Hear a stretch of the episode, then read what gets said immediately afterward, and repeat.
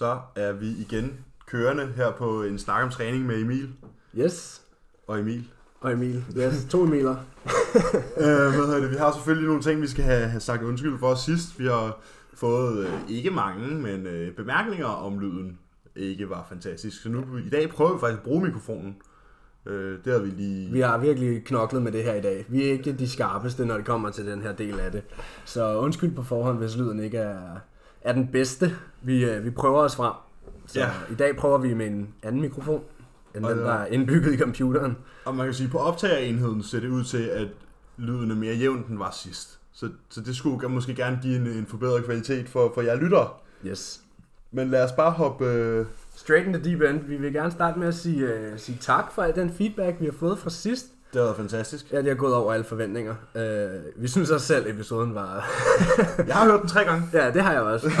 Og jeg synes faktisk, at, øh, at vi har gjort det okay. Jeg synes faktisk, vi har gjort det okay i forhold til, hvad vi havde regnet med. Så, så tusind tak også til alle dem, der har delt det og, og skrevet til os. Det har virkelig været fedt.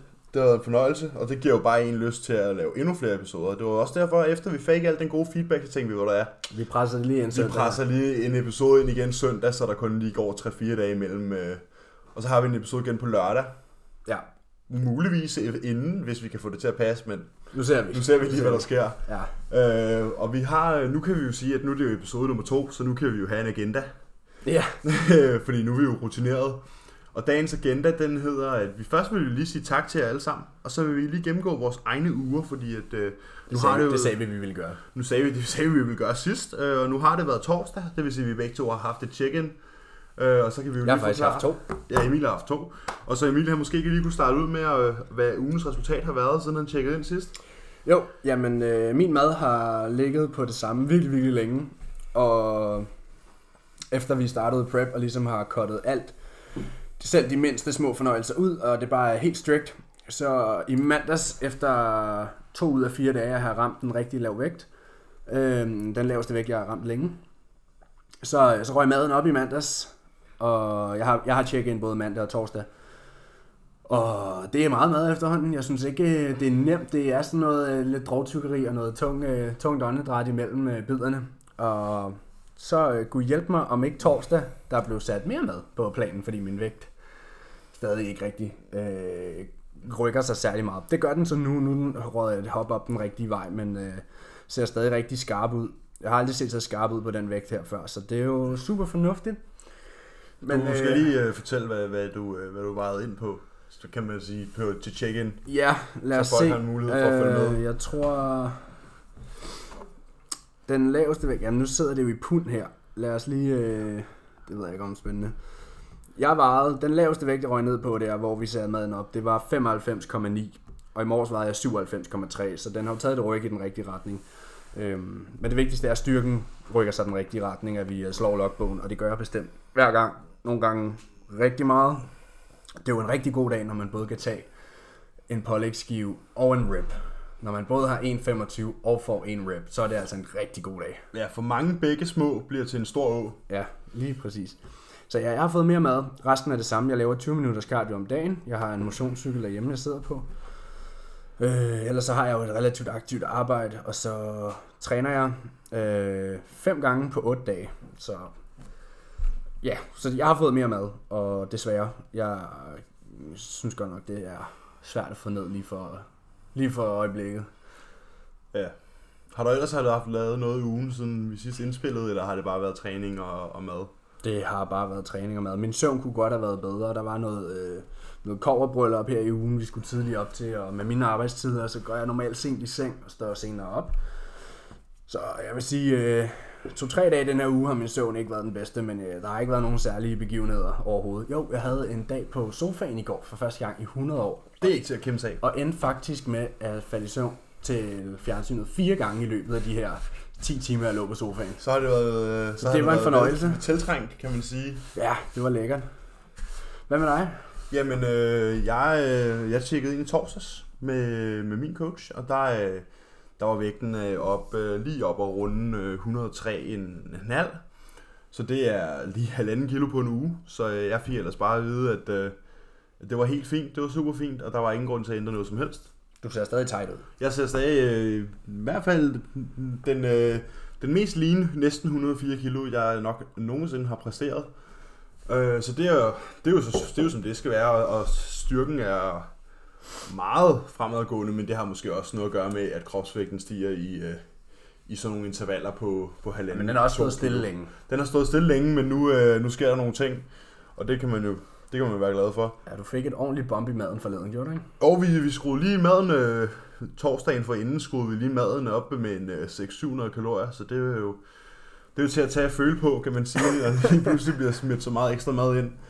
Og nu kan man sige, det er jo så kun 10% af mit generelle indtag, men øh, 6.000 kalorier er stadig mange, øh, mange kalorier at spise. Ja, jeg tror også, jeg ligger der omkring lige over de 6.000 nu på træningsdag. Ja, det er meget mad, men det handler jo ikke om vores mad, det handler bare om vores, vores fremgang, kan man sige. Maden er jo Ja. bare... Så målet for os lidt begge to, lige nu, jeg ved godt, jeg snart skal på scenen, men de næste par uger er det at, at, få, få det sidste masse på, mens vi kan. Så, så vi, vi er jo begge to i den samme fase lige nu. Om, altså, vi, vi spiser begge to rigtig, rigtig, rigtig meget mad. Uh, clean food. Og bare progresser så meget vi kan i Clean centret. food og lidt choco pops, ikke? Ja, lidt Choco Pops, det skal man. Jeg bruger så Rice Krispies, men ja. Så det var et lille recap om os, øh, hvordan vores uge er gået. Du, Ja, næsten. Du, ja, du har fødselsdag i går. Øh, jeg har jo faktisk været ude søndag i går, kan man sige. Fordi jeg bliver 23 på tirsdag, så vi holdt familiefødselsdag i går. Hvilket jo altid er en stor fornøjelse. Og der blev jo nok blevet, øh, blevet spist noget kage og lidt ekstra, øh, lidt ekstra mad, end hvad der plejer at være. Selvfølgelig har jeg fuldt min madplan hele dagen, og så tilføjet det ekstra om aftenen. øh, fordi det, det, det skal til en gang imellem. Øhm, det var ændret så også i en øh, meget progressiv bentræning her til formiddag. Så det øh, skal også sørge for, at det mad, man har spist, det bliver brugt, og ikke bare sætter sig i, øh, i alle mulige steder. Øhm, Jeg har og også det- en, en, en hård træning coming up tonight. Øh, det tror jeg bliver godt efter den dag på sofaen i går. Ja, der, der er nok med basis for nogle gode tal, når man har slappet af. Ja, for fanden. Jeg glæder mig. Men jeg synes, vi skal hoppe, øh, vi skal hoppe øh, videre til, til dagens emne. Ja, Eller måske lige en opsummering af, hvad vi snakkede om sidst. Vi snakkede meget om, om det med at adaptere til, til stress for at få musklerne til at vokse. Som egentlig jo vel egentlig bare er det, det er. Og det med, hvordan man, øh, hvordan man kan holde øje med sin øh, progression i forhold til sin logbog. Ja, vi snakkede om det her med, at øh, tilfældig træning giver tilfældige resultater, og at øh, man skal have en træningsplan. Så det naturlige skridt nu vil jo begynde at Snakke at om snakke om træningsplaner. ja, træningsplaner. Og der vil vi i dag snakke med, starte med at snakke om træningssplit. Hvad for et træningssplit skal man bruge, hvornår, og hvornår skal man skifte, og hvordan bruger man de forskellige.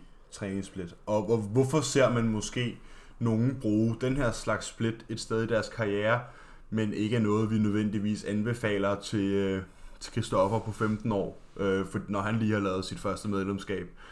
Øh, fordi du skal måske ikke træne som professionel bodybuilder, når, det egentlig, når du egentlig først lige er startet øh, og, og gang med at lige lære, hvor at, øh, omklædningen ligger henne, og hvor håndvægten egentlig ligger henne.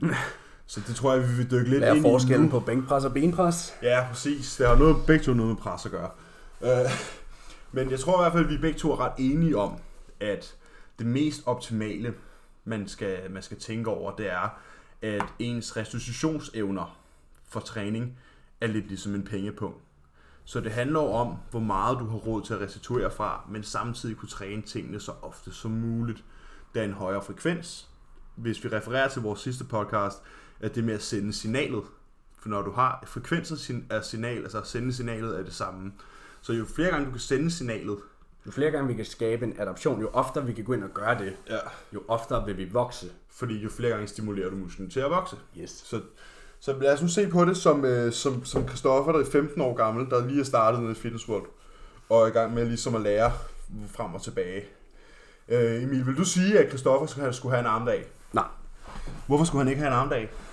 Det er fordi, at Christoffer har aldrig trænet før, går vi ud fra. Han, øh, han er helt ny til det her, det her med at træne. Eller måske spille noget fodbold? Ja, Eller, måske spiller noget, fodbold, den, eller noget den duer der. Men, men det er jo intet sammenlignet med, med intens styrketræning. Nej, der er ikke nogen øh, eksplosiv... Så enhver form for, for, for intensiv træning, han går ind og laver øh, nu, i, i, der hvor han er nu, vil jo være en ny stress, som vi snakkede om sidst. Du skal skabe en stress, der ikke er blevet oplevet før, for at skabe den her tilpasning. Og enhver form for stress for Christoffers krop lige nu vil jo være... overlevelses eksemplar, vi havde, ikke? Så lige meget hvad Christoffer går ind og laver, vil det jo være en tilpasning. Der vil ske en tilpasning. Så vi kan jo argumentere for, at han kan gå ind og træne hele sin krop, for der skal meget lidt til. Der skal meget få sæt til, meget lidt arbejde i de forskellige muskelgrupper til at skabe den her tilpasning. Så der skal ikke særlig meget benarbejde til, for hans ben vokser. Der skal ikke særlig mange sæt bænkpres til, før at de muskler vokser osv. osv. Så vi kan argumentere for, at det bedste for Christoffer vil være at træne hele kroppen, når han går ind og træner, og gøre det ofte. Ja, det vil så... sige for eksempel et, et full body program, hvor man måske har to, to bryst, to presøvelser, eller måske bare tre sæt øh, til pres, og så måske to, to, tre, øh, fire sæt til, til ryggen. Selvfølgelig kan man godt, hvis du nu har tre full body sessions, kan du rotere mellem at have en brystfokuseret og en rygfokuseret, hvor du måske har et sæt mere på det ene. Så har du nogle benbevægelser, så har du noget til skulderen, og så har du noget til armene. Og lad os lige gøre det vigtigt, at når vi snakker de her full body træninger, så er der meget lidt fokus på fluff. Ja, vi vi holder os til, til, til, to de store bevægelser. Ja. Så for eksempel kunne det starte med en incline press, en dip, en pull down, en dødløft variation, en squat variation hjem. Ja, måske lige en neck extensions og nogle biceps curls til sidst. Ja.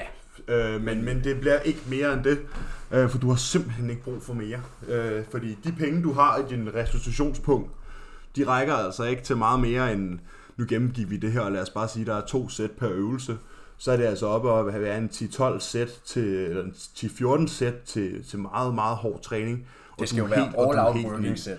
Det skal være uh, balls to the wall, som man siger. Ja. De rigtige de rigtig lede sæt. Uh, character building sets, som man kan kalde det. Øhm, og de, de sæt, de koster fra din restitutionspunkt. Og det er noget, du skal tage, tage at regne på, når du, øh, når du, start, når du træner. Altså hele tiden. Mig og Emil bruger, bruger også tid på at kigge på de her ting øh, men især i starten, fordi du har brug for meget mindre, end du tror. Og det er tit sådan, at jo mindre er faktisk mere, fordi at jo mere du kan restituere, og jo mere du kan ramme musklen hårdt og lave progression, jo mere vil du også vokse. Så frem at du selvfølgelig øh, hjælper til med at tømme køleskabet derhjemme, det er klart. fordi det er meget, meget vigtigt. Men jeg tror også, vi vil lave en episode, der hedder, hvad vil Emil og Emil gøre, hvis de var 15 år igen, og lige var startet i træningscenteret? Helt klart. Fordi der er helt klart nogle ting, vi vil, øh, vi vil gøre anderledes, hvis vi, hvis vi kunne gå om og gøre det. Men det kan vi ikke, men vi kan hjælpe jer derude. Og det er derfor, vi har lavet podcastet. Yes. Så det vi typisk ser, det er, at folk, der er nået rigtig, rigtig langt i deres karriere, og de ligesom er på, på den her grænse for, hvad deres krop overhovedet kan. De har ligesom nået deres peak, så at sige. Og, øh, og de træner næsten alle sammen øh, hvad vi kalder bro split, som er, er, er enkelte muskelgrupper trænet i gang, som ja. vi snakkede om sidst, så de har en, en armdag, en brystdag og så videre, og så videre. Og så kan man sidde og undre sig over, men Emil og Emil har jo lige sagt, at man skulle have høj frekvens, og det er jo super lav frekvens. Ja, det er rigtigt, men når du har en, øh, en overarm på, lad os bare sige 55 cm, og du har nogle mus- en biceps, du måske har trænet i 10-15 år, så kræver den så meget volumen, at, altså om så mange sæt af gangen, at for at stimulere den, skal du faktisk næsten bruge hele din pengepunkt, restitutionspengepunkt, på at få den til at restituere. Fordi den kræver rigtig meget. Men det tager rigtig, rigtig lang tid at nå dertil. Men bare rolig. Fordi du har trænet i tre år, så behøver du ikke introducere en anden dag. Øh, det er først, når vi snakker professionelle bodybuildere, som i ikke professionelle mens fysikdrenge eller professionelle classic fysik, men vi snakker professionelle 145 kilo, kæmpe, kæmpe store drenge, som ikke har noget at gøre med, med dem, der lige har startet i Fitness World, fordi de vil nok bare blive smidt ud af Fitness World øh, med det samme. Ja, altså så, så jo oftere vi kan gå ind og stimulere vores muskler, jo bedre. Så derfor, når du er helt ny, vil det optimalt være et full body split. Hvor lang tid skal man så bruge sådan en full body split? Uh, altså jeg vil lad os nu lad os tage udgangspunkt i, at du har uh, en 2-3 sæt per muskelgruppe i full body split. Ja. Så vil der jo gå noget tid, hvor at, hey, lige pludselig så er 2-3 sæt ikke nok. Til Hvordan ved man, det ikke er nok? Det vil man jo gøre, hvis man kan se, okay, der er jo faktisk noget, der hedder mi- minimum effektiv volumen. Det vil sige, det er den mindste volumen, du kan give dine muskler, og de stage vokser. Hvis de så lige pludselig begynder ikke at være, der ikke er nogen fremgang i logbogen, og din volumen er helt vildt lav, så er det nok fordi, at din minimum effektiv volumen er blevet større, fordi din muskelmasse er blevet større. Det vil sige, der skal mere til for at stimulere Ja. vækstsignalet Vi skal skabe den her nye stress. Præcis. Så kan man sige, okay, så er vi måske op på at skal bruge fire sæt til hver muskelgruppe. Det er meget. Selvfølgelig skal du ikke bruge lige så mange sæt på din lår, eller på din arm, som du skal bruge på din lårbasser, det, fordi benene skal have mere volumen, end armene skal have, og det, sådan er det bare. Det er en større muskel, så der er ikke så meget at gøre ved det. Øhm, men du skal hele tiden tænke på, at du har den her pengepunkt, som er det, du maksimalt kan restituere fra. Det der hedder din maksimal restitutionsmulige volumen. eller Det hedder maximum recoverable volume. Det er noget, Mike Israel har lavet, som, men han er en meget klog fyr, og det er nok ikke, øh, det bliver ikke en gæst, vi får på her i hvert fald. Ja, lad os forklare den pengepunkt. Ja, så du betaler, hver gang du er på træningscenteret, så betaler du, hvad kan man sige, i gåseøjen, for at din muskler restituerer. Ja, du Men... giver lidt restitution til benene, når du træner ben. Præcis. Så det, og det, det skal jo disponeres, så hele kroppen kan nå at restituere. Ja. Men når din, men når din sådan der minimum effektiv volumen stiger, så skal du bruge flere penge til at restituere. Men du, altså, du kan selvfølgelig godt gøre din pengepunkt større, men det vil sige, at du skal kigge meget på din, din mad. Din mad skal blive, der skal være mere mad. Din søvn. Din søvn skal blive bedre. Eller Skal længere. Sove ja, længere. sove længere og sove bedre. Øh, sove rigtig tungt. Du skal måske også til at kigge på noget, noget sådan stress. Hvordan du sådan der kontrollerer din stress og sådan nogle ting. Men det, det er nok ikke nogle ting, der vil kunne give dig lige så meget som at lave et nyt træningssplit. Og hvor, hvor vil vi automatisk gå hen, hvis vi siger, okay, nu er jeg nødt til at lave et nyt træningssplit, fordi min volumen på mine øvelser er blevet så høj, at jeg ikke længere kan i gåsøjne betale for det Ja, på én du har, træning. fordi hvis du træner full body, så kan du måske, du kan jo max træne det hver anden dag. Du kan ikke træne to dage streg. Nej, lad Men os du sige, måske lave hver anden til tredje dag. tre og en halv træning om ugen, ikke? Ja, så du den ene har fire træninger, og den anden uge har du tre træninger. Præcis. Og så, øh, du kan jo godt tage din volumen op. Øh, lad os sige, du træner full body, og nu har du trænet i et år, og du har nu taget din volumen op. Et Ja. sæt på, på hver muskelgruppe, eller whatever. Så vi er på ni sæt om ugen, hvis vi træner tre gange for eksempel, per muskelgruppe. Det er tre Ja. ja. sæt per træning. Men du når jo så det her punkt, hvor, som vi snakkede om, at hvis du bliver ved med at tilføje sæt, vil du ikke kunne nå at restituere til næste træning. Så kan du vælge at, at have flere rest days, eller du kan vælge overgangen til det næste split, som så vil være et upper lower body split, altså hvor vi har en overkropdag og en bendag, hvor vi deler kroppen op i to nu, i stedet for en. Og så har vi jo lige pludselig flere penge øh, at bruge på, øh, på enten ryg eller benene, brystet, øh, overkroppen eller underkroppen, så at sige. Og så kan man jo sige, at hvis vi har flere penge, øh, og vi har mere rådighed og, de, og sådan at restituere fra, kan vi jo faktisk sætte flere sæt ind. Det vil sige, så kan du stadig stimulere musklen. Der vil, ja, for der vil jo gå længere, før vi så har den her træning igen.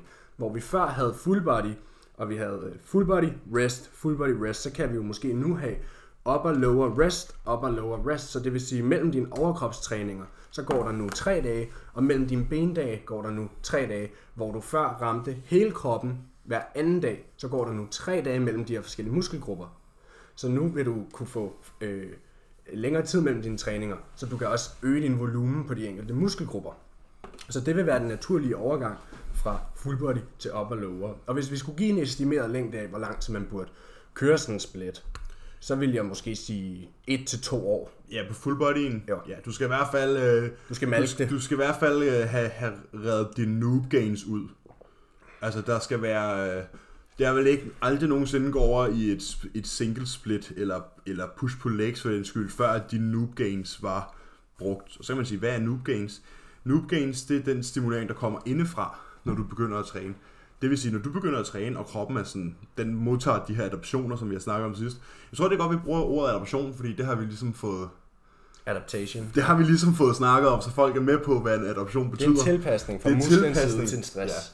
Øh, når, de, når du begynder at træne, og kroppen begynder at modtage de her adaptioner, så går den i sådan, den går i sådan et, øh, altså, i sådan over, overdrive, kan man sige, og den begynder bare at skyde alt muligt væksthormon og alle mulige ting ud i kroppen, som gør, at du vokser.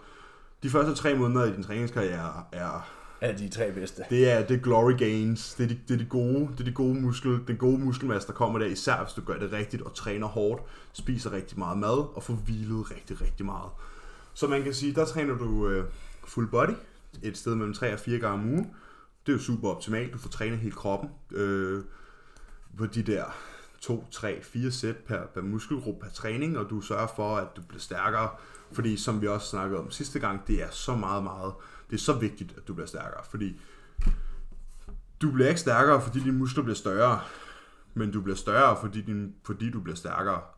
Musklerne vil altid være et biprodukt af en styrkeadoption. Så man kan sige, vi er færdige med full body, og vi er over i, øh, i upper lower. Det kan man så sige, det kan jo køres, som også Milan sagde før. Du vil næsten have tre træningspas. Fire, fem pas, tre, wow. Tre, to og en halv runde om ugen, ikke? Ja, hvis vi siger, at du på tre dage har to træningspas, Ja. så hver tredje dag er en hviledag. Du kan køre upper lower rest, upper lower rest. Præcis. Så har du ja, fire, fire og en halv træning om ugen. Ja, i gennemsnit, ikke? Nogle, Ja, hvor du før havde tre og en halv Ja, ja, i præcis. gennemsnit. Så du har det der two on, one off, øh, som, øh, som virker til at være super optimalt, da du faktisk vil have mulighed for at restituere mellem dine træninger, og ikke vil være alt for udkørt. Og hvordan vil det op og lower så være? Så kan man sige... Så kan vi begynde at putte mere fluff ind, hvis vi skal, altså, Ja, hvis vi skal kalde lidt det mere- det. Lidt mere isolationsøvelser. Ja. Så fordi nu har vi, som Emil ligesom prøver at forklare med den her pengepunkt, at vi har flere penge tilgængelige til de enkelte muskelgrupper. Vi kan låne flere penge til vores restitution for ryggen. Vi kan låne flere penge til vores restitution for vores pushmuskler, altså vores bryst, skulder og tricepsmuskler. Ja. Så det tillader os, fordi hvis vi før havde 4 til seks sæt presøvelser, at ligesom at holde det, men så sige, okay, så kan vi tilføje lidt, lidt flies, lidt pullovers, Ja, lidt, noget, lidt af det her. noget mere sådan, måske nogle lidt højere gentagelser, og så måske der tænke på at få nogle, en, en pumpøvelse. Ja, Pumpet er jo, er jo bestemt overhovedet ikke det vigtigste, når man prøver at bygge muskelmasse. Så det er derfor, at det er jo sådan noget først, man tilføjer, når man ligesom har sådan luksusen, det er at tilføje et pumpsæt. når du har den der muskelmasse, når du først har bygget din, som vi kalder det, noob gains, den her første runde Ja. af muskel, der kommer på. Som vel bliver lavet af tunge skulderpres, og tunge brystpres og tunge tricepspres. Nogle dødeløft, nogle squats. Ja, og så skal man ikke hoppe over i den der, åh, oh, men uh, squat, bænk, dødløft er det gyldne. Grunden til, at de her bevægelser er gode, det er, fordi de involverer mange muskler. Det vil sige, at du kan bygge, hvad hedder det, væv hen over flere forskellige muskel, hvad hedder det, Muskelgrupper. øh, muskelgrupper på én gang. Det er derfor, at man kan man sige, de flerledsøvelser, der er, er så gode. Men jeg vil ikke nødvendigvis sige, at en bænk er bedre end et håndvægtspres. Nej, nej, nej. Vi skal, Det- det, vi skal det- altid snakke, når, når vi siger en øvelse, så der vil altid være øvelser, der passer bedre til, til den ene og den anden type. Hvis du er typisk af en lavere gut med en stor brystkasse og korte arme, så vil du typisk være en fantastisk presser. Ja, Men hvis du har korte arme, vil du typisk være en elendig dødløfter. Ja, præcis. Der er pisse langt ned til stangen. lige Der er meget langt ned. Øhm, og omvendt, hvis du har virkelig lange arme, kan du være en god dødløfter, men lange arme og måske kombineret med en flad brystkasse, er ikke den bedste kombo for at være en dygtig presser. Nej. Fordi en flad brystkasse, så er der længere ned til brystkassen, og med lange arme er der endnu længere. Ja, Så, så det er måske derfor, man tit ser, jeg har tit set, altså gutter fra Asien, de er fænomenale til at squatte. Fordi de har de her ekstrem korte lårben, ja. og de har en mega lille range of motion, det at sige selvfølgelig er 100 kilo stadig 100 kilo for dem. men det er de ikke bevæge lige så langt som en på 22 skal. Nej, præcis. Så, øhm, så, så der vil jo altid være nogle øvelser, der passer bedre til en kropstype, og nogle, der passer bedre til en anden. Men essensen af, af squat, bænk, dødløft, som folk er meget, det er sådan en idé, folk er meget gift til. Og jeg har det sådan, at man skal ikke være gift med øvelser, eller være sådan forelsket i øvelser, hvis du gerne vil have progression. Nej. Du skal være, øh, det du skal være glad ved, det er bevægelsesmønstret, altså hvilke muskler, der bliver påvirket på hvilken måde. Øh, og det vil de jo, man kan sige, selvfølgelig er en bænkpres og, en- og en håndvægtspres ikke ens. Men, Men de er godt det er stadigvæk en presøvelse, der involverer dine skuldre, der involverer din brystkasse, der involverer din triceps. Det vil sige, at du har tre muskelgrupper sat ind i den samme bevægelse. Og jeg vil jo faktisk, jeg vil altid foreslå et håndvægtspres over et pres med en stang, simpelthen fordi, at den, øh, det bevægelsesmønster, man har, er bedre til at få det her. Der er den fri her, bevægelighed. der er fri bevægelighed, ikke? Skal ikke bruge så meget tid på sådan og, og ikke rigtig få, få sat din arm ind til din brystkasse, som er det, der hedder en, øh, en fuld kort muskelbevægelse. Men, men det med kontraktioner og lange og korte muskler er måske også Det noget, tager, vi vi, skal det tager vi en anden dag. vente til en anden gang, fordi det kan godt blive, det kan også blive lidt vildt. Det kan godt blive en lidt vild episode. Ja, så for, Øhm, for at gøre det kort, så lad os sige, jamen, du kan, du, de øvelser, du skal vælge, når vi snakker de her compound øvelser, du skal ikke lave en standard squat, en standard, en standard bænk og en standard dødløft. Vælg den variation, der føles bedst, og den, hvor du kan arbejde hårdest. Det er, hvor du kan have mest vægt på med den bedste form, og hvor du føler din muskel bedst. Den kombination, der er bedst for dig, er den, du, det, det vil du typisk kunne mærke selv. Ja. Om, jamen, øh, kan jeg, hvis jeg laver en bænkpres med en stang, eller hvis jeg laver det med en håndvægt. Hvor kan jeg mærke min brystmuskel mest? Og kan jeg også arbejde hårdt i den her Og øvelse? hvad gør måske mindst ondt, hvis Ja, du... det øh, skal selvfølgelig ikke gøre altså, ondt nogen steder. der, der er mange, der har lidt, øh, lidt skulder øh, nickels med, med, med en Skulder, albu, håndled. Skulder, alt, alt kan gøre alt. Jeg, havde, man, jeg kan godt få lidt ondt i, i hvad hedder det, håndledet en gang, med, hvis jeg presser med stang, men det er noget, jeg er i gang med at finde ud af, hvordan jeg kan ordne. Øh, men lad os nu bare tage et eksempel på øh, den her squat pres, øh, squat bænk og dødløft ting. Så kunne man måske bare sige, okay, en skråbænk med håndvægte, en hack squat og et romansk dødløft. Ja, eller en rack pull. Ja, eller et rack pull. Det er faktisk bare samme bevægelsesmønstre. Du har en ting, hvor du bevæger hoften. Du har en Ja, du ting, har en hvor hip hinge, som det hedder, ja. Ja, et, et, et, et hoftebevægelse, som er jo det, som dødløften er. En knæbøjning. En, kn- ja. Og så har du øh, et, et pres med brystet, og så har du øh, en, øh, en variation, hvor du ligesom kommer, kommer ned og sidde, kan man I sige. en squat. Squat er jo Ja. en position. En position, ikke? Øh, så, så har du lige pludselig dit øh, The Big Three, øh, men bygget om på måske en måde, der passer mere til dig. Og, og, men det er jo altså, det jo, som vi også sagde, så de her, de her tre ting er måske meget gode at have i, i full body programmet. Ja. De hører nok helt sikkert hjemme i full body programmet. Og der kan man jo have variationer af de tre bevægelser hver gang. Ja, så man ikke... Hvis du, hvis du ved, at jeg har to-tre øh, forskellige variationer, som jeg godt kan lide at lave, jamen du skal jo ikke lave den samme hver gang. Hvis du træner full body og træner tre gange om ugen, skal du ikke gå ned og lave den samme træning alle tre gange, så du, så du laver nogle forskellige variationer af de her træninger, så, så du den ene dag har en, en skrå øh, bænkpres med håndvægte, og den anden dag har du flad bænk med stang, givet det er to øh, øvelser, Ja, ja, du præcis. godt kan lide. Og, og den ene dag laver du en pull-up, den anden dag laver du en pull-down. Ja, ja, præcis. Så du har nogle forskellige bevægelser at blive stærk i. Og så har du en Smith squat, en almindelig squat og en hack squat. Yes, Så og har vi også arbejder tre måske også i forskellige. rep ranges, så den ene dag arbejder vi måske i, i, den to tunge- sæt, to tunge sæt der ikke? måske hedder 6 til 8, 10 til 12, og den anden dag har du måske en, en 12 til 15, 15 til 20 rep range. Ja, men jeg ved ikke, om, om rep ranges måske er noget, vi skal lave en hel, øh, en hel episode om. Og så lad os komme tilbage til upper lower splittet. Ja, lad os komme inden, tilbage til inden vi får løbet for langt Alt væk. vi kommer, ja, ja, Øh, men vi håber i hvert fald lige, at det her lille sidespor, det kan bruges til noget. at det gav mening. Øhm, Der er ikke nogen øvelser, I skal lave. Find dem, der passer Du- til jer. aldrig nogensinde skal være gift med en øvelse. Du skal være gift med progression. Det er det, der er det vigtigste. Det er ikke vigtigt, om du har den her specielle øvelse i dit program, for der er ikke nogen øvelser, der er mere magiske end andre. Nej. Det er et kæmpe hit home, fordi det tror jeg, der er rigtig mange myter om, at den her øvelse er perfekt, men er det måske ikke bare Du bevægelse? kan ikke få store ben ud af squat. Du kan ikke få store ben ud af squat? Øh, løgn. Nu kan jeg sige personligt selv, at jeg er en forfærdelig squatter. Jeg har ikke små ben. Jeg er rigtig god hack Hvad med squat. Dorian Yates? Seks Ja. gange Mr. Olympia, han squattede ikke de sidste mange år af hans karriere. Nej, han benpressede kun. Ja. Og han Oh, hack squattede også. Ja, hack squat og benpres, kan man bygge store ben på det? Det kan man helt sikkert. Øh, Jeg vil sige, at jeg er et levende bevis. Ja, det kan man sige. Jeg har ikke øh, squattet i tre år nu. Nej, men lad os se på, på et upper lower, en, en opbygning af et upper lower program måske. Ja. Øh, Det vil jo typisk være, altså jeg foretrækker altid at starte med en skulderbevægelse. I hvert fald et pres. Ja, i hvert fald pres. Hvis du Øh, starter med din, med din puls, din, din rygbevægelser, så vil din... Der er ikke meget gas i tanken. Så er der, nej, jeg vil sige, det tager meget væk fra dine din presøvelser, hvor omvendt synes jeg ikke, dine presøvelser tager meget væk fra dine trækøvelser. Overhovedet ikke. Så du har i hvert fald, lad os så sige, den her gang, i stedet for kun at have en øvelse på full body programmet, så har du måske to øvelser. Der kan du se, så lige pludselig har vi faktisk mere volumen. Så har du måske to eller fire til seks sæt per muskelgruppe per runde, ikke? Så det er jo lige pludselig, der har vi jo lige pludselig fået rykket vores minimum effektive volumen til, til noget helt andet, og kan fortsætte med at vokse muskler, men samtidig have enormt mange rest days. Og vi er jo nødt til at, at ligesom at sige, at prøv at høre, I er nødt til at vide, at det her med, det er altså, når du ligger hjemme på sofaen, at du vokser. Du vokser ikke nede i træningscenteret.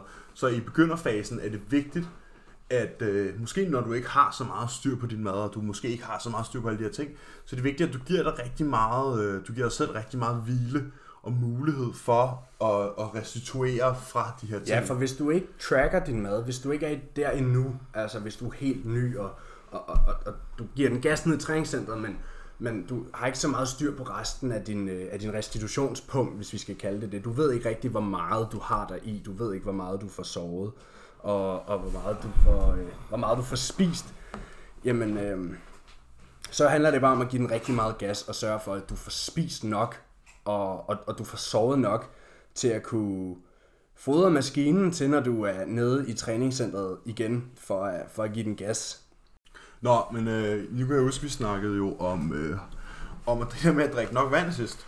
Så øh, vi havde lige en... Øh, Vi havde lige en tidspause. vi havde lige en tidspause, en hurtig 5 minutters tidspause her midt i podcasten, fordi det kan man simpelthen blive nødt til en gang imellem, for ellers så sidder man og hopper på stolen. Ja.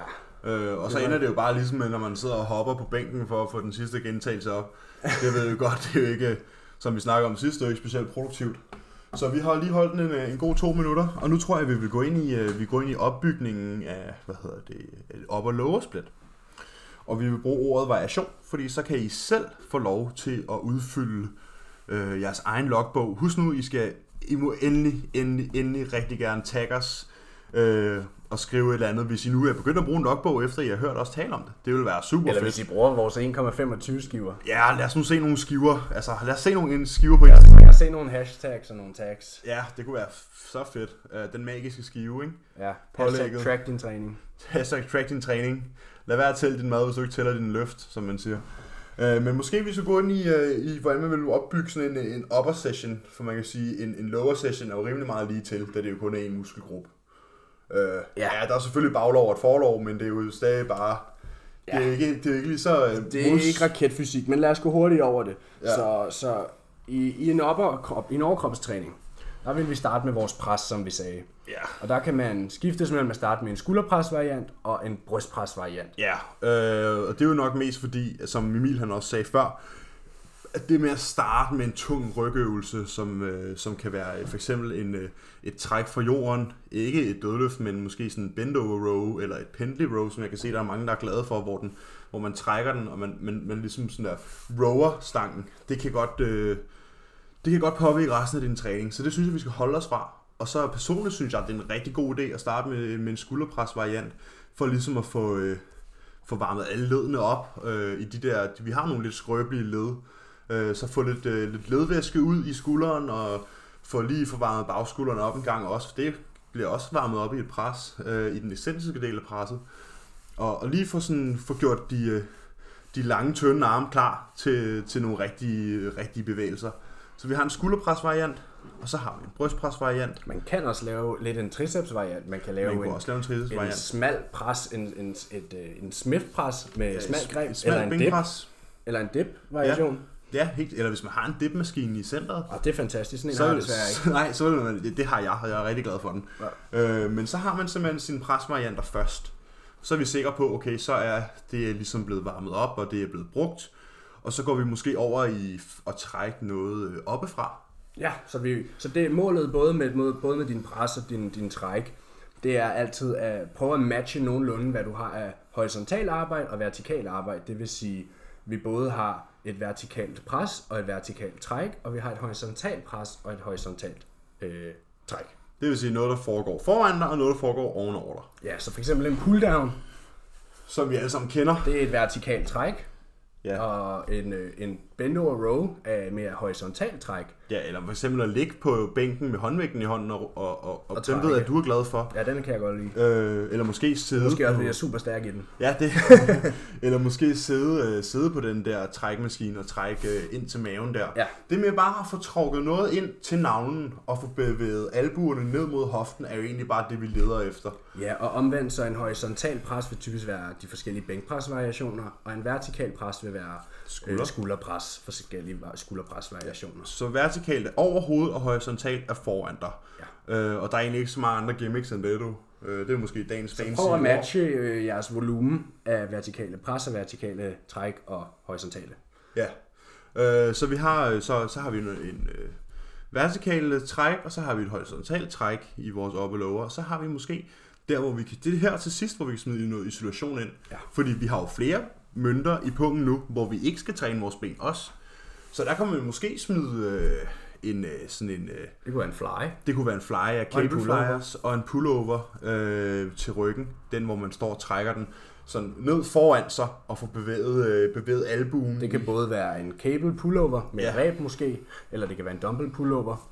Ja, det er, hvad man det kan også til. være en dumbbell fly eller en cable fly. Man kan prøve sig frem, Ja. og der er som sagt at have flere forskellige rotationer, så du ikke går ind og laver den præcis samme træning hver gang, er også en god idé. Selvom opskriften faktisk er den samme på træningen. Men med forskellige variationer. Det er derfor, vi ikke giver jer en specifik øvelse, men siger variation i stedet for, fordi så kan I helt selv få lov til at sætte de ting ind, som I godt kan lide. Ja. Så det kan jo godt være, at du både kan lide en, en dumbbell fly, men du også kan lide en cable fly på forskellige måder. Øhm, så, Så kan du lave den ene, dem. så du kan lave to rotationer. Du har en upper one og en upper two, så du altså går, hvis du har et upper lower wrist, upper lower wrist, jamen så hver anden gang du træner overkrop, har du den her anden træning. Du kan også lave tre rotationer. Ja, hvis nu for eksempel du også godt kan lide en flyer, måske den der pækdækmaskine, flymaskine, hvis du godt kan lide den, så kan du have en tredje rotation, hvor du har den med. Eller i presøvelserne, det kan være, at du både kan lide smidtpres, dumbbellpres og sta- øh, barbellpres, ikke? Ja, så har du også tre forskellige presvariationer der. Så det handler om, og, og så siger man, man kan hurtigt sige, at det er jo kedeligt at have det samme træningsprogram, men du har jo ikke det samme træningsprogram, når dine træninger varierer hver gang. Øh, og det er jo det sjove ved at kunne se, når man kan se progression, bare 1,25 skiverne, hen over flere øvelser Ja. på flere forskellige træninger. Det er jo der, det begynder at være sjovt, fordi, Fordi så, du, så bliver du stærkere på alle vinkler. Ja, og de forskellige øvelser vil også øh, ligesom støtte hinanden. Så hvis du bliver stærkere i din øh, dumbbell press, altså din pres med håndvægte, så vil det påvirke, hvor stærk du er i din smidtpres, eller din, din, stang med, eller din pres med stang. Ja, så, Så, så, så du, når du bliver stærkere i den ene øvelse, vil det også hjælpe dig med at blive stærkere i den anden øvelse. Så synergien vil ligesom være sådan, øh, hvad kan man sige, øh, det vil gå op i en højere enhed, fordi at du bliver stærkere i alle vinklerne, så din muskelmasse udvikler sig på, på flere tænkelige måder, for flere forskellige belastningsvinkler. Og du måske både har nogle øvelser, hvor du skal stabilisere mere og mindre, Ja. du bliver bedre til Ja, for vi ved alle sammen godt, at for eksempel en, en skulderpres med håndvægt, det kan være meget hård at stabilisere. I hvert fald, hvis man er ny. Det er sjovt at se er- nybegyndere med håndvægte. Ja, fordi de, de flyver rundt over ja, det hele. rundt omkring. men når man bliver lidt mere øvet, så lærer man det der med at holde vægten stille i hånden og kontrollere den. Hjernen laver en neurologisk øh, tilpasning til træning. Hvis, øh, hvis du er højrehåndet, og jeg bad dig kaste en bold med højre hånd, og jeg så bad dig kaste en bold med venstre hånd, Det så, to føles den, forskellige så føles den ene meget mere naturlig end den anden, selvom det jo i princippet er samme bevægelse. Og det er fordi hjernen arbejder i mønstre, og når du har indlært et mønster, så føles det naturligt. Vi kender sikkert alle sammen det der med at komme hjem fra en, by, en tur ude, og, og, og lige pludselig, hey, har jeg husket at låse hoveddøren? Og så går du ud og tjekker, og du har låst den. Du kan ikke huske det. Men det er, fordi du gør det lig- automatisk. Det ligger automatisk til, at du gør det naturligt. Du behøver ikke at tænke over, at, hvordan kører jeg cykel, når du sætter dig op på cyklen for 117. gang. Men det skal du første gang, du sætter dig op på en cykel. Og det er det samme første gang, du laver en ny bevægelse, vil det også det vil se måske en smule Føles komisk ud, og det vil og- føles lidt underligt, og du vil være sådan, hov, det der, det er jeg slet ikke vant til det her. Men det er fordi, du ikke er vant til bevægelsesmønstret.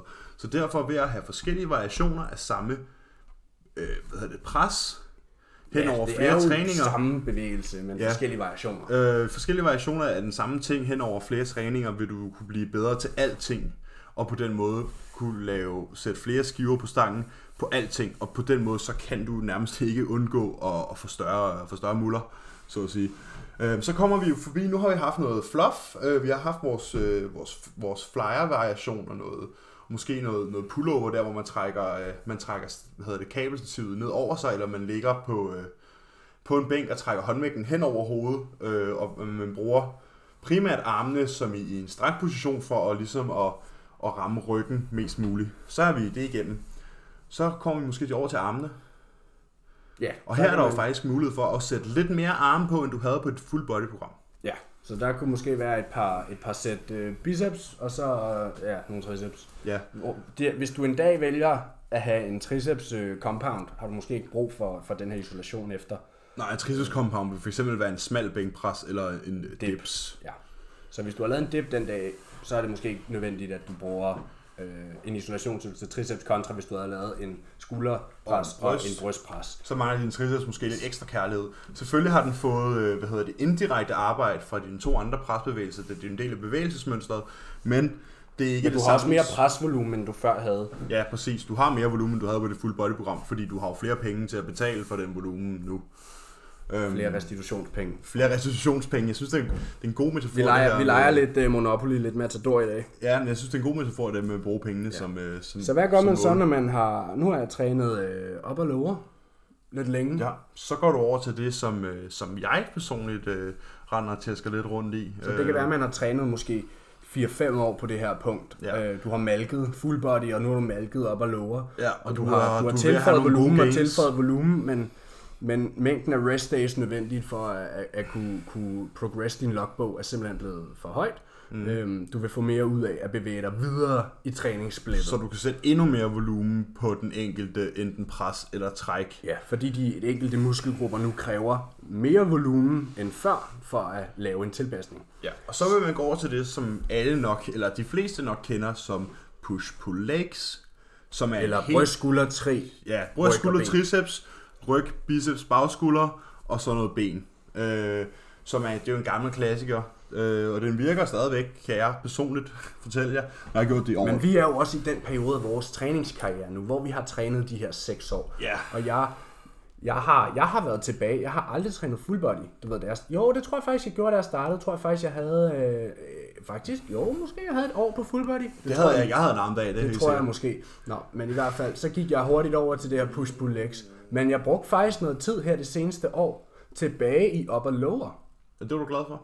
Det er virket. Altså, jeg har lavet progress. Øhm, så det er ikke fordi, hvis du, hvis du startede med at lave bro split, så er det ikke fordi, du ikke kan gå tilbage og malke, fordi det vil være en ny stimuli. Ja, der er stadig, er roligt, der er hjælp at hente. Ja. Der er hjælp at hente. Så Øh, nu vil vi bevæge os over i push-pull legs. Nu har vi trænet Ja. op og lower. Jeg træner push-pull legs. Emil han træner det, der hedder et modificeret push-pull legs, hvor der måske er nogle, en, nogle sammentrækninger af nogle træninger for at nå en anden frekvens hen over en uge eller otte Ja. dage. Så da Øhm. mine ben ikke er en prioritet for mig, Ja, så har du faktisk kun halvanden bendag om ugen, ja, kan man sige. Ikke? Så jeg har, en, jeg har to brysttræninger, altså to push days og to pull days og en bendag. Og så på den, den ene pull day er der lige fem sæt ben. Ja. Så sådan lidt top-up work. Ja, det, det, det er sådan en rygbendag, hedder den. Ja. Øh, også kaldet Leg density. pull. Leg pull, eller density day. Det Kært barn har mange navne. ja, kært barn har mange navne. Utrolig hård træning, øh, fordi det kræver Den meget af består, systemet. den består af rows, dødløft, pull-ups, benpres og flere rows. Det Ja. er, øh, Det er et godt mix. Den er hård. Alt, alt godt for godteposen. Men, men, men en push-pull Der skal man have mange restitutionspenge. Ja, så skal man have rigtig mange penge med i centret. Øh, et push pull legs, der er øh, det, som jeg bruger for eksempel. Jeg træner push og pull, det vil sige, at jeg træner ryg og bryst, eller bryst og ryg hedder det. Så har jeg en hviledag, og så træner jeg ben, ligesom jeg havde i dag. Det vil sige, at jeg har en hviledag på hver, min, hver sin side af min bendag. Det er din prioritet, da du vil i det er en prioritet, og jeg vil gerne være på klassisk fysik, så mine ben skal have masser af hvile. Øhm, også fordi, at min benvolumen er, er ret høj, øhm, så de har brug for meget hvile. Du ved, Der skal bruges længere tid på at fylde pungen op med penge til, til den næste træning. Øhm, og det, det er jeg en super glad for. Det vil sige, at jeg har måske jeg har stadig 4 og 5 træninger om ugen. Jeg træner øh, alting hver femte dag. Det vil sige, at jeg rammer min øh, push hver femte dag, min pull hver femte dag, og min ben hver femte dag. Øh, og det er måske en ting, man, ser, man, man skal gå over til, når man er lidt mere sådan, man kan man sige, man har været gamet lidt længere tid, og man har taget nogle flere kilo muskelmasse på, efter man øh, essentielt har kørt sit full body og sit op og lower. Øh, selvfølgelig vil jeg godt kunne gå tilbage og køre op og lower øh, og få noget ud af det, men det er en naturlig progression at gå videre til at have mere volumen per muskelgruppe. Fordi som vi har snakket om, så er det volumen, der vil drive muskelmassen. Selvfølgelig ikke at tilføje ekstra sæt, men at have en bestemt volumen og tilføje vægt, og på den måde vil din, det, det, den last, du løfter, vil jo stige. Og, og mine muskler har bare brug for, øh, for mere kærlighed, så at sige, end det vil få på et full body program, øh, som tingene ser ud lige nu. Men et push pull legs kræver jo også, at du måske har styr på lidt flere af dine variabler. Ja, og du skal, du skal nok have, have flere hviledage. Ja, jeg vil sige, det fungerer godt måske, som, som du gør. Du har øh, tre træninger hver femte dag. Øhm, man kan godt gøre det mere, og man kan godt gøre det mindre. Jeg har fem træninger på otte dage. Så på otte dage har jeg tre hviledage. Ja. Øhm, men men det, er- det er igen at kigge på din egen restitutionspunkt og sige, hvad har jeg råd til? For, og det her, igen, værktøjerne er dit værktøj. Hvis du laver progress, så virker det. Logbogen er dit værktøj, skal Yes. siges. Så, øhm, så det, det kan være, at du kører push-pull legs, rest, push-pull legs rest, hvis, din, øh, hvis du sover fantastisk, og det, du ligger bare i det her kalorieoverskud, du har ikke en bekymring yeah. i livet, din Du får er masser af mad, og du, det eneste, du egentlig laver, det er at sidde nede på kontoret hele dagen. Ja. Og du sover 8 timer om natten. Så kan jeg sige, så behøver du ikke køre to dage og holde en dag fri. Så kan du godt køre tre dage på, ja. fordi Hvis din logbog laver bliver, progress. ja, præcis, fordi du bliver så lidt belastet i løbet af dagen, at du absolut ikke bruger nogen af dine penge i løbet Ja. af dagen. Kontra hvis du er håndværker, arbejder skæve tider, ikke altid kan få din mad ned, Ikke for sovet ikke ordentligt. får sovet ordentligt, ja. Så bliver pungen altså lige pludselig meget, meget mindre, ikke? Ja. Og du måske har bekymringer i livet, du ved, der er måske et familiemedlem, der måske går så godt, eller også er kæresten lige slået op. Der kan være, de her ting påvirker også vores restitutions, restitutionsevne helt vildt. Det påvirker, hvor dybt vi sover, det påvirker vores appetit osv. Så, videre. så de her øh, stressniveauer betyder meget mere, end vi egentlig tror. Men jeg tror, at en episode om stressniveauer og sådan nogle ting, det Ja, er- selvfølgelig. det Alting er- vil få sin egen episode, men vi bliver Ja, stadig nødt til at nævne Det er det. nødt til at, det er nødt til at være med i, øh, i, i hvad hedder det, i Bare regnestykket. så I ikke tror, jamen, jamen hvis, hvis bankmanden han kan, han kan træne tre dage i streg og, og lave helt vildt meget progress, det er ikke ens betydende med, at du kan. Og det betyder heller ikke, at han har helt vildt gode genetics. Det betyder bare, at han sidder på sin flade hele dagen. Ja, Og nok ikke har så meget bekymre sig om, når han kommer hjem fra træning. ja. Øh, andet end at han skal spise sin mad. Så det betyder, det er måske derfor, at han har, har sådan her flere penge i sin punkt, fordi han laver mindre. Øh, Vel at mærke sin restitutionspunkt. Sin restitutionspunkt. Jeg ved du sgu ikke, om bankmanden har flere penge i punkten, end, end du selv har. Øh, men hans restitutionspunkt er i hvert fald bedre. Øh, så det handler jo altid om, altså meget i den her sport er jo, øh, er jo individuelt. Øh, og det handler om at finde ud af, hvad der virker for dig. Og, og nej, Det er ikke arm dag. det er ikke armdage, og det er i hvert fald ikke som ny, nybegynder, og det er heller ikke øh, gorilla sets med otte forskellige øvelser, fordi altså, så unik er du heller ikke. Altså, men det handler om at, at, sådan, at passe, tilpasse din volumen til, hvad du render og laver ellers. Ja. Så du kan sørge for, at du hele tiden bliver bedre. Øhm, Så når vi nu går over i det her push-pull legs for op og lower, så er det samme. Så det, det, det er præcis samme, vi gør igen. Vi tilføjer nu mere volumen til de enkelte muskelgrupper, så måske det, du kan sagtens have den samme træning, du havde i din upper. Lad os sige, den, den push-del, du havde i din, din overkropstræning. Du kan sagtens bruge den samme træning og måske bare tilføje et sæt, eller tilføje endnu en øvelse, så du måske, så du måske hver push-dag har en brystvariation, en skuldervariation og en tricepsvariation, altså presøvelser, så du både har en, en horisontal pres, en vertikal pres og en tricepspres. Det kunne du sagtens gå ind og gøre nu, hvorimod før havde du måske kun to presøvelser ja. i din upper session, og du kan måske tilføje en tredje, øh, da du nu har ryg for sig selv på en dag, måske med lidt bagskulder og lidt biceps, øh, så kan du sagtens tilføje lidt flere trækøvelser til din rygvolumen. For at give et eksempel, så har jeg på min rygdag har jeg 10 working sets. Ja. Øh, Jeg har fem øvelser med to sæt. Ja, jeg tænkte måske, at jeg lige, nu har jeg lige hævet min logbog frem. Øh, pen, pen og papir, som man siger. Og jeg, jeg kunne måske lige gå- gennemgå, hvilken volumen vi ligesom sidder og leger med lige nu. Øh, det her det er min, øh, min bryst, skulder, triceps træning fra, i, det må være den 28. 11. Det der i torsdags.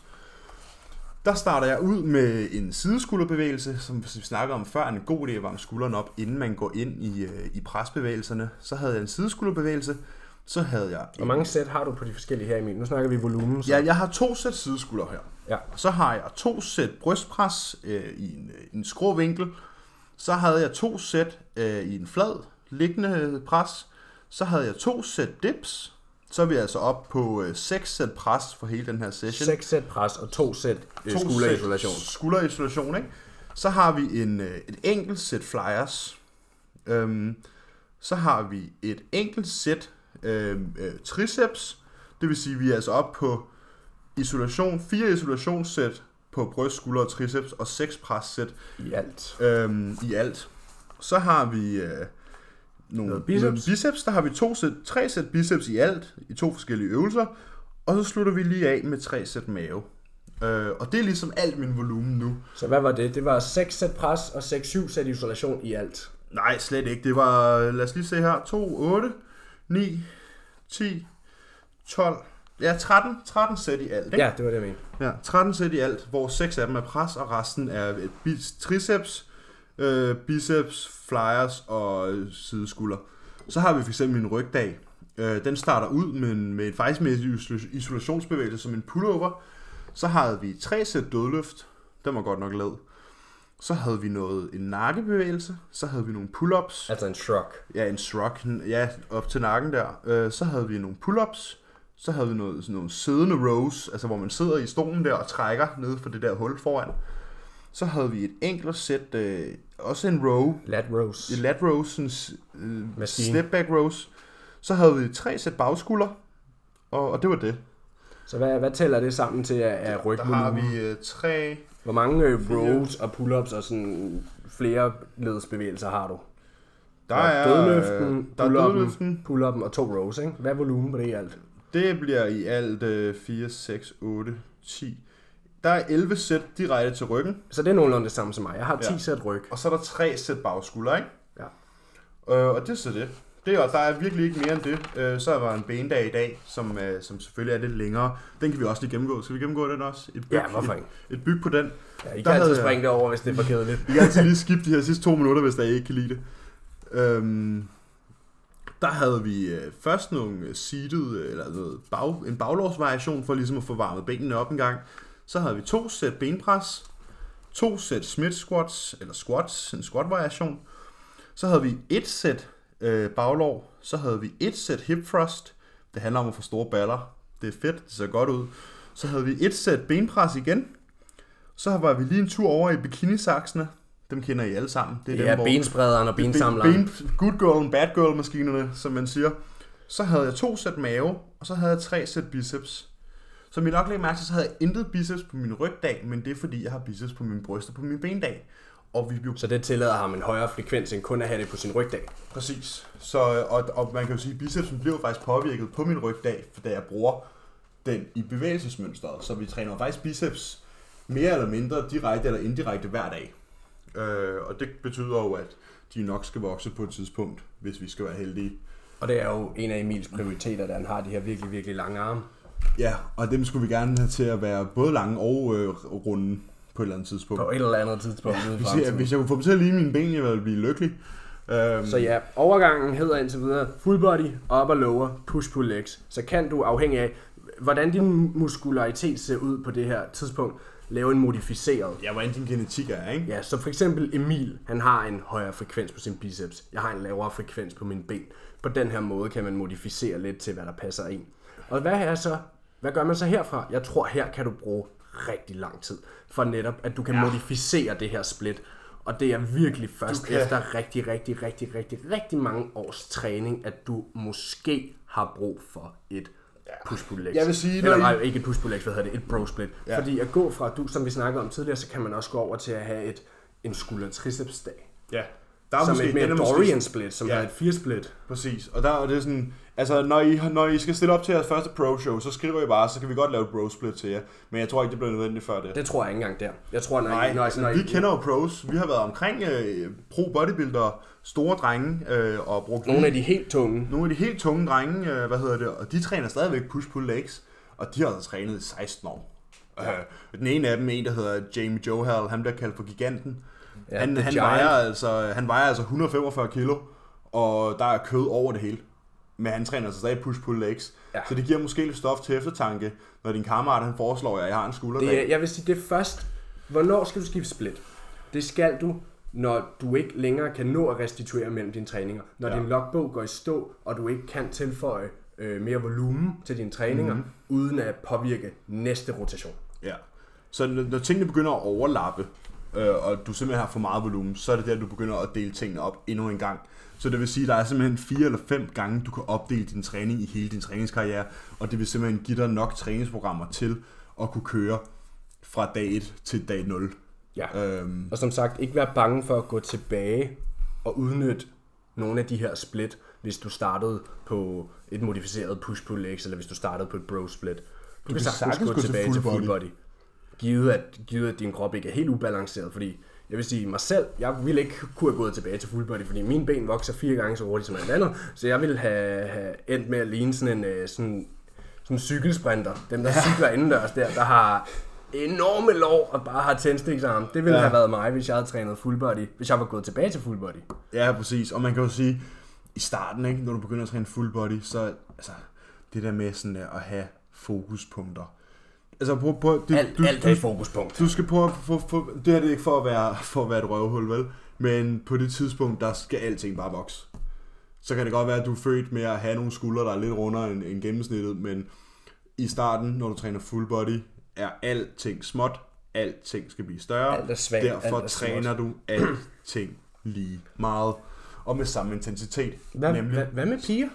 Jeg vil sige, jeg vil sige, de fleste piger, hvis, især hvis de er bikini, skal faktisk holde sig til et upper lower split, hvis du spørger mig. Jeg vil Ja, sige, hvis du er bikini-pige, så øh, er det helt klart lower body, der er i fokus. Eller hvis du bare er en pige, der generelt vil se godt ud. Den, Ja, så skal du have fire den ben krop, af ugen, ikke? Den krop pigerne som regel, nu skal jeg ikke generalisere for meget, men de fleste piger, de vil gerne have de her øh, flotte ben, en større numse og en pæn ryg. Ja, pæn ryg, pæne skuldre og Ja. pæne arme og sådan Ja, ting, ikke? men de vil jo ikke have den her stor, de vil jo ikke have, en, de vil ikke have et trænet bryst og, og, og så videre og så videre. Nej. Så jeg vil sige, for de fleste piger vil full body være en god start, og så at holde sig til upper lower og, og modificere dette. Ja. Fordi jeg, jeg, når jeg hvis man stiller op men- i body fitness eller, ja, eller, eller men nu snakker, figure. vi, nu snakker vi de generelle Men piger hvis vi snakker tøserne op i Fitness fitness. Og de, øhm, og, og, og når jeg programmerer de her programmer til piger, så vil jeg sige, for det meste har jeg en presbevægelse til dem, som vil være en skuldervariant, altså en vertikal pres. Men det er for fordi, det er også vigtigt. Det er Så vigtigt at få ja, en presbevægelse. Ja, den her X-frame, Ja. at have den her V-taper, og så har de noget. Så de vil starte med en vertikal pres, så en øh, sideskulder variant, så vil deres rygbevægelser komme, noget bagskulder, lidt biceps, Ja. donzo, out. Der er og så vil de have bendagene, hvor der kan være fokus på forskellige ting. Ja, ja, præcis. Så kan man have enten en, en, en bendag, der måske tilter lidt mere til, til lovbasserne, og en bendag, der tilter lidt mere til, til, til ballerne. Ja. Men jeg tror, at vores fælles holdning, det er, at, at, at piger skal jo nok faktisk træne, ligesom drenge gør, skal gøre. De skal træne på samme måde, ja. Og med samme intensitet. Med samme intensitet, 100% balls to the walls. Fordi Altså, det, som alt andet er også- spild af tid. Ja. Jeg havde en, der spurgte mig på et tidspunkt, skal jeg også træne til failure på overkrop? Altså en pige, der måske ikke havde et ønske om at... Ja. Og ja, alt andet er jo spild af tid, fordi hvis du, du vil jo stadig gerne se bedre ud på din overkrop, så er du også nødt til at skabe en ny stress. Jeg, jeg nåede lige at nævne 15 sekunder om det på sidste podcast, hvad hedder det, hvor vi jo snakkede om det der med, hey, hvad nu hvis man gerne bare vil strammes op, eller tones op, og hvor jeg sagde, det bliver aldrig særlig pænt, hvis du bare bliver tynd af at stå på løbebåndet. Ja. Og det her, det er måske, den går sgu me- mere ud til pigerne, fordi jeg hører tit øh, fra, fra klienter og sådan nogle ting, at det, de vil bare gerne strammes op. Men jeg kan Hvad love dig betyder for, det at stramme op? Jamen Hvad det er jo betyder en lavere fedtprocent og en højere muskelmasse. Ja, præcis. At du Det er jo lige bare et bytter- pigeord for du, det, hvis du, vi skal du, du sige. tilter lige tingene i din favør, så at sige. Og, og jeg kan love dig for, at, øh, at hvis du får lavet din hip thrust og din squat til henholdsvis 2 og 1 skive, så vil du, Altså være du har en noget, 100 kilo hip thrust og en 60 kilo squat. så vil du være øh, noget en del længere end hende der, der står med bootybanesen over i hjørnet Ja. og bruger 45 minutter på at kigge sig i spejlet og træne mave. Men, men, men mindre du er en pige, der gerne vil være øh, altså, mere muskuløs, og du måske har vil stille op i, i de større kvindelige klasser, måske noget figure og noget fysik, Eller bare godt kan lide det. så mener jeg ikke, ja, eller, ja, altså hvis du bare gerne vil have det, jamen så er det måske der, du skal have en push-dag, men ellers ser jeg ikke meningen for piger til at bevæge sig over i en push-pull-leg split, fordi de ikke har brug for en push-dag.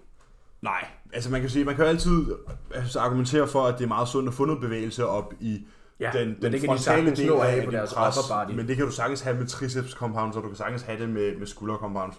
Øh, men, men jeg tror, at vi skal lave en episode omkring det der med, øh, hvordan skal tøser egentlig træne? Ja. Skal de træne, ligesom vi gør? Ja. Skal de være bange for at blive bulky? Nej, det skal de i hvert fald ikke, nej. Og, og hvorfor skal de ikke det? Men det tror jeg alt sammen er noget, vi skal, er noget, vi skal, vi skal snakke om på en hel episode, fordi der er så mange myter omkring det her med de der flotte, flotte elastikker, I alle sammen dem så rundt med. Og den tror jeg måske, altså selvfølgelig skal man bruge elastikkerne, På den rigtige måde. men hvornår skal man bruge dem, og hvad giver egentlig mest, hvad, kan man, hvad får, får man egentlig mest for pengene i forhold til at bruge de her elastikker på det rigtige tidspunkt? Øh, vil det bygge muskelmasse stå og, og, og rykke benet i den samme elastik øh, 40 gange, og så, vil det give lige så meget som at gå over squat, eller måske at, at, at lave nogle, nogle, Nogle, nogle dødløfter, nogle nogle benpres og dødløft nogle nogle, thrust. nogle walking lunges, det vil det nok helst, altså nok ikke helt. Vi skal nok komme ind i det, og og ikke et ondt ord om jer, der gør det her, øh, men vi vil rigtig gerne hjælpe Der er heller ikke, jeg vil sige, hvis, der er ikke noget galt i at gøre det. Metabol stress, altså det her med syre og, og pump training, er jo god også en del af en træning. Men som vi snakkede om tid i, i sidste episode, så er mekanisk øh, tension, altså mekanisk stress, at putte vægt på musklen, er den største faktor, når det kommer til hypertrofi, som er at bygge muskelmasse.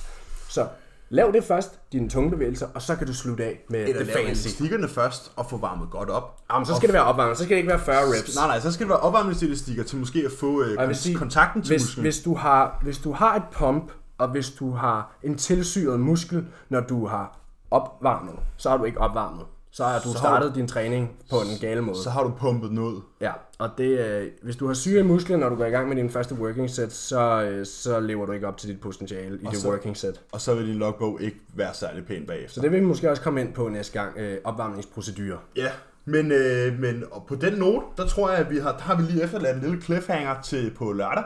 Vi indspiller igen på lørdag, fordi det kunne vi lige få tid til. Ja. Øhm, Så vi håber, I kunne lide episoden, og, og like og del og tag os. Øhm, Ja. Tag os, når I bruger jeres logbog. Tag os, når I bruger øh, de her små skiver. Og, øh, og del med jeres venner. det er ikke og taggers, når I bruger jeres booty bands. Nej. og øh, kom, hvis det ser godt ud. Ja. Og ellers så, øh, så vil vi sige, sige tak for i dag, og Ja. I, I må meget gerne give noget feedback, hvis der er noget, og hvis I har spørgsmål, som I vil have besvaret, eller Så emner, I gerne vil have, os. at vi snakker om, ja, så skriv til os, og så... Øh, Måske vi lige skulle tage vores Instagram tags. Ja. Jeg hedder øh, personligt Emil N. Eriksen øh, på Instagram, og øh, Emil, den anden Emil, han hedder... Boral Fitness. B-O-R-E-L Fitness. Ja. Ud af landevejen. Og mit var bare Emil N. Eriksen, så det er også rimelig meget ude af landevejen. Ja, Øh, øh, som i numse. Ja, fordi det er det, jeg prøver at bygge. Jeg er helt frostet i dag. Han er helt gal med de baller der. Jeg er helt tosset med de baller der. Hvad hedder det? Men lad os, øh, lad os da tales ved en gang i næste uge, så siger vi mange tak. Og hvis I nået så langt og stadig lytter med, så... For Øh, fanden, det blev en lang en i dag. ja, det bliver lidt længere ind i dag, men, øh, men, men sådan kan det jo gå, når man sidder og hygger sig og har så mange ting at snakke om, ikke også? Ja. Så må I have en, en fantastisk kommende uge, og det er mandag morgen, så nu er det tid til at give den max gas, og så tager vi til bare igen med på lørdag. Og så skal jeg lige hjem og træne i aften. Er Emil skal hjem og træne. Jeg skal hjem og træne nu. Jeg Wish me luck. Det er den helt hårde i dag. Jeg skal spise, jeg mangler tre måltider, så det bliver en lang aften det det, her. det gør jeg også. Nå, vi ses, så kan I have det. Ja, vi ses. Hej.